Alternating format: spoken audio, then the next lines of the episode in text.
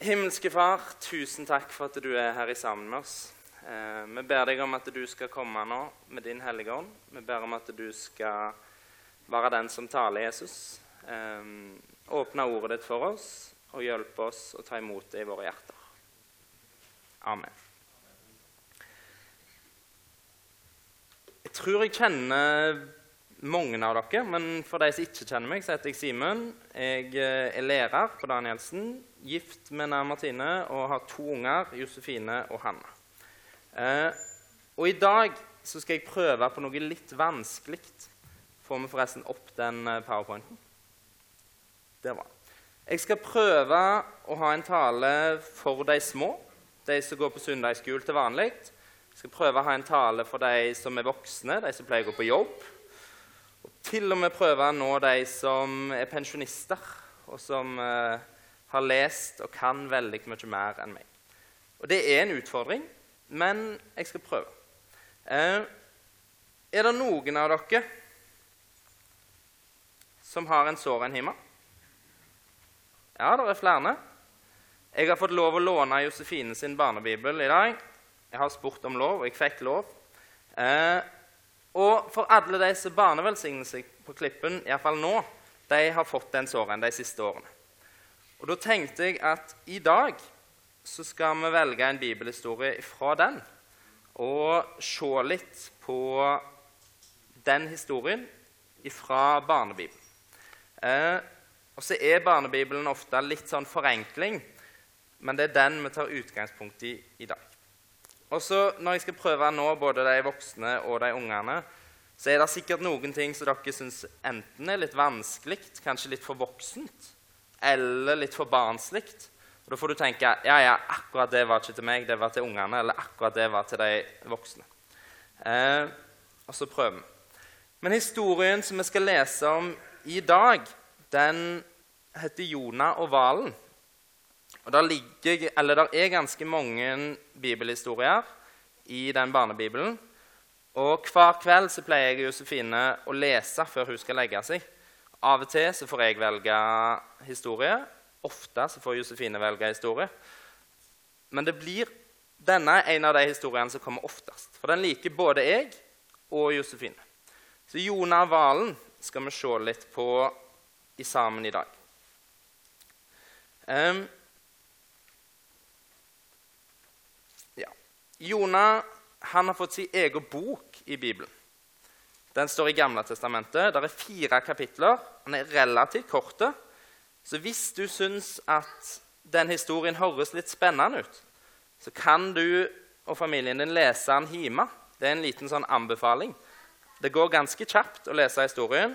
Og hvis du leser den vanlige Bibelen, så får du en del mer info enn det som vi ser på i dag i Barnebibelen. Men vi skal se gjennom i sammen. Jeg har prøvd å skrive skrifter på sida, og så skal jeg lese det som står. Eh, og så skal vi se på historien om Jonah. Det var en mann som het Jonah. Han var profet. Gud sa til Jonah at han skulle reise til en stor by som het Ninive. Gud sa, 'Si til folket der at de må slutte å være slemme mot hverandre.' 'Hvis ikke kommer jeg til å ødelegge byen.' Jonah han var en profet, og det betyr at det var et menneske som Gud snakket til. Og På den tida så var det sånn at Gud snakket til noen enkeltpersoner. Heldigvis så er det ikke sånn i dag. I dag så har vi alle lov til å be til Gud. Han kan snakke til oss personlig. Eh, men på den tida så valgte Gud seg ut noen profeter som han talte til, som skulle fortelle videre til resten av folket. Og I Bibelen så står det faktisk det at Gud han bor i oss, som har valgt å ta imot ham. Og Det er en ganske kul ting. Um, og Historien den begynner med at Jonah han får beskjed av Gud at han skal reise til denne byen som heter Ninive. Og så skal han si dere må skjerpe dere. Dere må oppføre dere fint mot hverandre. Slutte å være stygge. Hvis ikke så skal Gud øyelegge byen. Det var oppdraget som Jonah fikk. Og Jeg ser for meg at det er et litt sånn vanskelig oppdrag. Tenk hvis Gud hadde sagt til deg ja, nå Simen, eller nå Kenneth, eller nå hvem som helst, så skal du gå til Åkra. Du skal rope ut. Dere må være snille med hverandre, eller så ødelegger Gud okra. Litt sånn absurd tanke. Eh, og jeg tipper mange av dere hadde vært litt redde for det. For folk hadde sett dumt på deg. De hadde gjerne blitt sinte på deg. Tror dere Jonah gjorde det som han fikk beskjed om fra Gud? Vi kan lese litt videre, så ser vi hva som skjer. Men Jonah ble redd og rømte sin vei. Han var redd for hva folk i Ninneve ville gjøre mot ham dersom han fortalte dem det Gud hadde sagt. Han gikk derfor om bord i en stor båt som skulle langt av sted. Det som Jonah gjør, er at han bestemmer seg for å reise langt vekk. Han går om bord i en båt som skal i en helt annen retning enn der Gud egentlig ønsket at Jonah skulle. Har noen av dere gått en vei som Gud ikke vil at du skal gå? Kanskje. Ehm, så for noen av oss kan vi kjenne oss igjen i Jonah. For han ble redd, syntes at det oppdraget han hadde fått, var utfordrende. Og så valgte han kanskje den feige løsningen å rømme. Men Jonah han visste hva Gud ønsket for ham, og hva oppdraget han hadde fått. Men allikevel så valgte han å gjøre noe annet. Han valgte å rømme.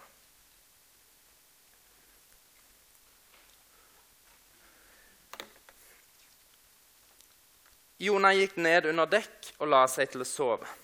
Han ville prøve å glemme den oppgaven Gud hadde gitt ham. Det som Jonah gjør, han går på båten, reiser vekk, og så prøver han å legge seg til å sove. Han vil glemme hele greia. Tror dere han klarte det? Nei, det tror ikke jeg. Jeg tror at Jonah han lå og tenkte tenkte på det oppdraget sitt. Jeg tror han sleit med å sove. For det er sånn at når Gud legger et eller annet på hjertet vårt, så er det ikke så lett å glemme det. Det er ikke så lett å gjemme seg for Gud. For Gud han bruker Den hellige ånd til å minnes om ting som vi egentlig vet er det rette å gjøre.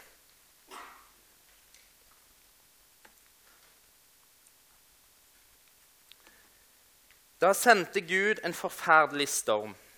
Båten holdt på å falle fra hverandre i den kraftige vinden. Alle om bord var livredde. De løp ned for å vekke Jonah. Jonah skjønte med en gang at det var Gud som hadde sendt stormen. Det som skjer, er at det kommer en storm. Og Jonah, som egentlig skulle ligge og sove, han skjønte at oi, det er pga. meg denne stormen kom. Gud har sendt stormen for å stoppe meg i å rømme.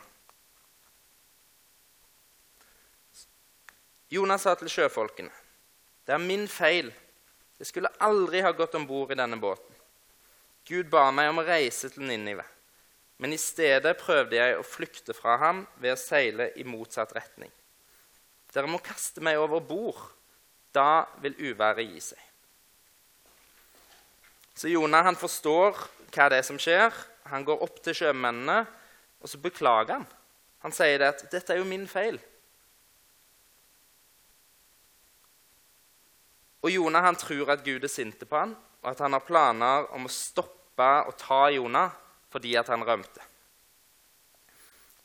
Og det er av og til en litt sånn For oss tenker vi at, at Gud skal ta oss. Hvorfor i all verden tenker han det? Det er en sånn fjerne tanke. Men det er flere plasser i Gamle testamentet der vi kan lese om at Gud straffer folket for at de har gjort ting som er imot hans vilje. Og Jeg ser for meg at det er det Jonah tenker på nå. At oi, nå har jo jeg gjort noe som er imot Guds vilje. Hva kommer til å skje nå? Um, ja, Og så sier han jo det, at dere må hive meg over bord. Det er ikke deres feil at det er storm her nå. Det er min feil. Så jeg skal ta skyld. Hiv meg over bord. Men det skulle heldigvis ikke være slutten på Jonas sin historie. Men det som skjer da, Sjømannene kastet Jonah over bord, og med det samme la sjøen seg. Vinden sluttet å blåse, de grå skyene forsvant, og solen kom tilbake. Nå var mennene i båten trygge igjen. Sjømennene de gjorde det som Jonas sa. De heiv han ut av båten. Og med en gang så ble det stilt, stormen var vekke, solen kom fram igjen, og alle var trygge. Alle utenom Jonah.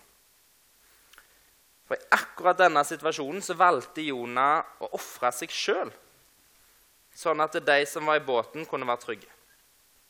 Og det var en veldig snill handling, en god ting som Jonah valgte å gjøre. Så han ofra seg for at de skulle få være trygge. Så tok han på en måte straffen. Det tipper jeg at eh, sjømennene ble ganske takknemlige for og glad for at de slapp å havne i det kalde vannet og i stormen. Og jeg har òg en venn som ofrer seg for andre. Og jeg vet at det er mange av dere som har den samme vennen. Husker dere å være takknemlige? Sånn som sjømennene sannsynligvis var. Um, det syns jeg iallfall vi burde. For når noen ofrer seg for oss, så er et takk eh, det minste vi kan gi. Leser vi litt videre. Jonah begynte å synke. Dypere og dypere ned i havet sank han. Plutselig fikk han øye på en stor skygge fra havets dyp som kom imot ham. Jonah var i en håpløs situasjon. Han var i ferd med å drukne. Og I tillegg til det så ser han plutselig den store, mørke skygge. Jeg tipper han er redd, livredd. Eh, og jeg tipper egentlig at Jonah har gitt opp og tenker at nå kan ingenting bli verre enn sånn som det er akkurat nå. Og så tror jeg at noen av oss har vært i en lignende situasjon.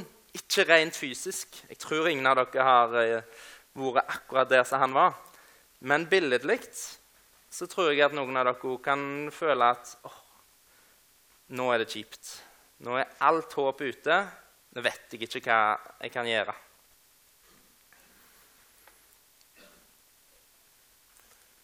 Dette er et av mine favorittbilder forresten, i eh, barnebibelen. Eh, det var en stor hval. Hvalen slukte Jonah, og han forsvant inn i magen på fisken. Den store skyggen det var en svær fisk eller en hval som slukte Jonah. Og da var historien slutt. Takk for meg. Nei da, heldigvis ikke. Eh, for selv om det kan virke som at nå var alt håp ute, så hadde Gud andre planer.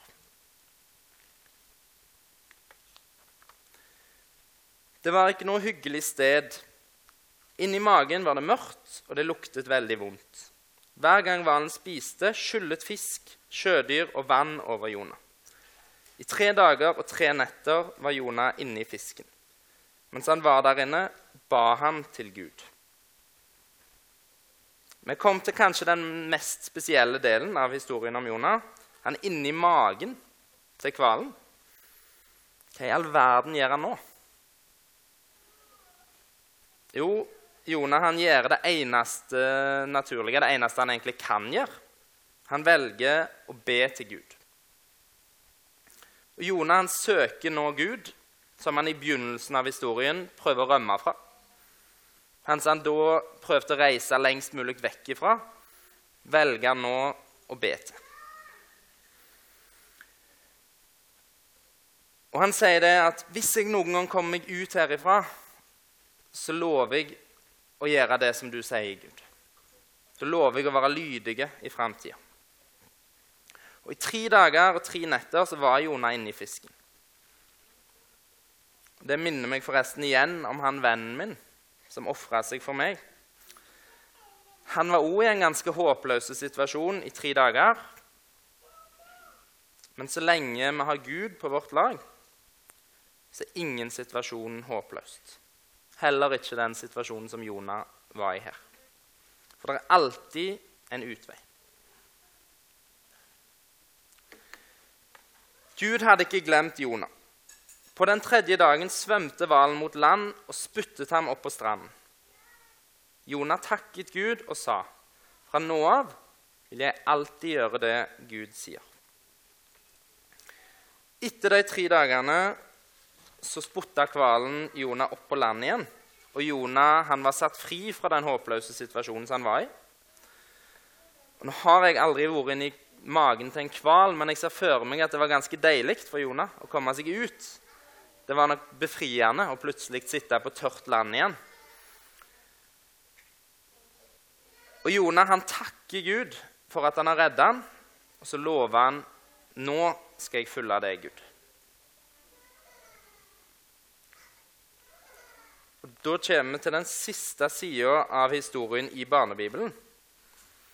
Litt senere sa Gud nok en gang til Jonah.: Stå opp og gå til byen Ninive. Der skal du advare folket. Denne gangen gikk Jonah til byen. Han sa til menneskene der.: Dere kan ikke lenger være onde mot hverandre. Dersom dere ikke hører på meg, kommer Gud til å ødelegge byen. Folket i Ninive hørte på Jonah. De angret og ba Gud om tilgivelse. Dermed kunne Gud spare byen. Jonah får igjen det samme oppdraget, det som han i begynnelsen av boka reiste vekk ifra, rømte fra. Han får beskjed om å reise inn til Ninive og si dere må være snille med hverandre. Dere må endre måten dere lever på. For det dere gjør, er vondt. Det er ondt. Og jeg tipper nok at igjen så kjenner Jonah litt sånn Å, det har jeg egentlig ikke så lyst å reise inn til den byen og si. For det er gjerne ikke sånn sykt kjekt å fortelle folk sånne type beskjeder. Det er litt kjipt. Og det tror jeg Jonah kjente på. Men denne gang så velger han heldigvis å lytte til Gud og lye. Så han går inn til Ninive og forteller dem det budskapet som Gud hadde til ham. Og folket i Ninive de hører faktisk etter. De tar imot det budskapet, og så vender de vekk ifra ondskapen.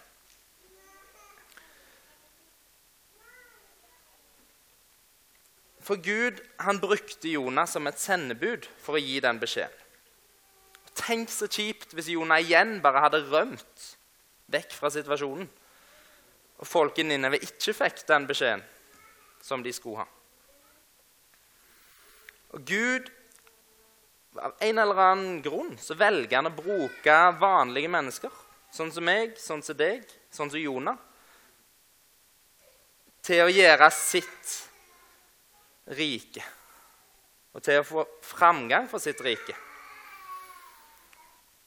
Og Når han gir oss et oppdrag, så er det alltid med en hensikt. Og det er ikke alltid at den hensikten er noe som du tjener på sjøl. Det var ikke nødvendigvis så mye Jonah fikk ut av å gjøre det oppdraget. Men han fikk være med og bety en forskjell for menneskene i Ninive. Og det i seg sjøl er jo en stor gave. Å få være med og bety noe for dine medmennesker. Å få være med og gjøre en forskjell.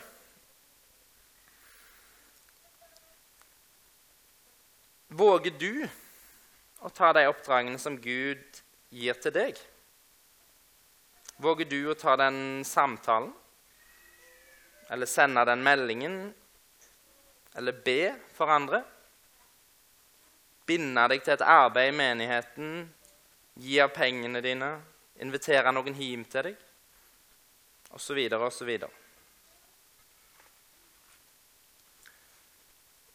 For å oppsummere litt historien om Jonas har jeg valgt noen punkter som jeg har kalt 'Hva kan vi lære av historien om Jonas'? Noen av dem har jeg vært inne på allerede. Men jeg tror at vi kan lære litt av denne historien. Jeg tror at vi kan lære av den feilene som Jonah gjorde når han rømte fra Gud og fra hans oppdrag. Våg å gå på det som du opplever at Bibelen sier til deg, eller som du føler at du får fra Den hellige ånd, eller til og med direkte fra Gud. Våg å ta en sjanse. Stol på at dette er Guds vilje. Det vi òg kan lære av historien, det er det som jeg nettopp var inne på, at Gud han bruker helt vanlige mennesker til hans arbeid. Han vil bruke meg, han vil bruke deg, og i vår hverdag. Og det er ikke fordi at vi er spesielt flinke eller perfekte eller får til alt. Men det er fordi at han elsker oss, og at han ønsker å ha en relasjon til oss. Han vil bruke oss til sitt rike. Han gir oss tillit, han gir oss oppgaver fordi han stoler på oss. Og han har en enorm kjærlighet for oss. Et andre punkt som jeg var innom i historien, det er at vi må huske å takke. Jeg snakket jo om han vennen min som hadde ofra seg. Jeg regner med at mange av dere forsto at den vennen, det var Jesus. For på samme måte som Jonah ofra seg når han hoppet ut i sjøen, så har Jesus ofra seg for meg og for deg og alle mennesker på jorda. Han tok våre feil og våre mangler og tok dem på seg. Og Så regner jeg med at hvis jeg hadde kommet og gitt en liten gave til noen av dere, så hadde alle her inne takt, takt for den tak gaven og sagt 'tusen takk, det var snilt av deg'. Og den største gaven du har fått, det er det at Jesus har dødd for dine synder. Husker vi å takke for det? Husker vi å takke for at Gud ga oss livet? For hver eneste dag er en gave her på jord. Det siste punktet på lista mi det er et bibelvers. Og så er det at Gud òg har gitt oss et oppdrag. Vi skal lese det bibelverset sammen fra Matteus 28, altså vers 18-20. Da trådte Jesus fram og talte til dem. Jeg har fått all makt i himmelen og på jorden. Gå derfor og gjør alle folkeslag til disipler. Døp dem til Faderens og Sønnens og Den hellige ånds navn, og lær dem å holde alt det jeg har befalt dere. Og se, jeg er med dere alle dager inntil verdens ende. Det er misjonsbefalingen. Dette var noe av det siste Jesus sa til disiplene sine før han reiste opp til himmelen. Jeg tror at det verset òg gjelder oss som disipler nå 2000 år seinere. Vi har fått i oppdrag å fortelle videre evangeliet om Jesus. Det er ikke noe som vi skal holde for oss sjøl. De gode nyhetene de skal deles. Og Det skal fortelles til folk her på Vea, på Åkra, i Kåpervik. Hele Karmøy skal få vite det. Hele Norge og hele verden har vi som vårt oppdrag. Oi, tenker vi kanskje. Det er et stort oppdrag. Vet Gud at det fins over 8 milliard mennesker på denne jorda som vi skal fortelle evangeliet til? Det er mye folk. Heldigvis er vi ikke alene i det oppdraget. Vi er mange i sammen. Og kanskje viktigst av alt, det som bibelverset avslutter med, å se 'Jeg er med dere' alle dager inntil verdens ende. Han har ikke bare gitt oss det oppdraget og sagt lykke til. Han er med oss i det oppdraget. Han vil bruke oss og jobbe gjennom oss. Ikke at vi skal gjøre alt sjøl, men at han jobber gjennom oss. I historien om Jonah er det fire kapitler. Den tradisjonelle sånn, søndagsskolefortellingen og det som er tatt med i Barnebibelen, er fra de tre første kapitlene. Men det er òg et kapittel fire eh, som er en litt annerledes historie. Eh, jeg har heller ikke valgt å ta det med så mye her, men jeg har lyst til å si at det fins, det kapittelet. Og gjerne kikk litt på det på egen hånd. Eh, så har dere til fredag, og så leverer dere en tosiders analyse til meg og så kan vi drøfte det etterpå. Eh, men i det kapittelet kan vi lese at Jonah blir sur. Han er ikke helt fornøyd med at Gud bare omvende folk i Ninive, og at de får tilgivelse. Han hadde egentlig sitt føre seg at Gud skulle øyelegge den byen. Så han blir skuffa over Gud. Eh, men for meg så viser den historien den enorme omsorgen Gud har for Ninive, folk i Ninive og for alle mennesker. Så gjerne kikk litt på det kapittelet og ja, se på det på egen hånd, for det er interessant lesning. Helt til slutt så har jeg lyst til å gi dere et lite tankeeksperiment. Um, eller to små tankeeksperiment. Nå skal dere forestille dere at Jonah, når han fikk oppdraget, så bare rømte han vekk. Um, han ga aldri det budskapet til folk i Ninive. Det nådde aldri fram, det budskapet som skulle nå fram. Hva hadde da konsekvensene for folk i Ninive vært? Heldigvis så gikk Jonah til slutt med det budskapet han hadde fått. Og Så skal du få et lite tankeeksperiment til. Tenk hva konsekvensene kan bli for de som du møter, og for de som Jesus har sendt deg for å dele evangeliet med og fortelle om hans kjærlighet. Hva er konsekvensene hvis du faktisk går på det og gjør det som Gud har sendt deg for? Takk for meg.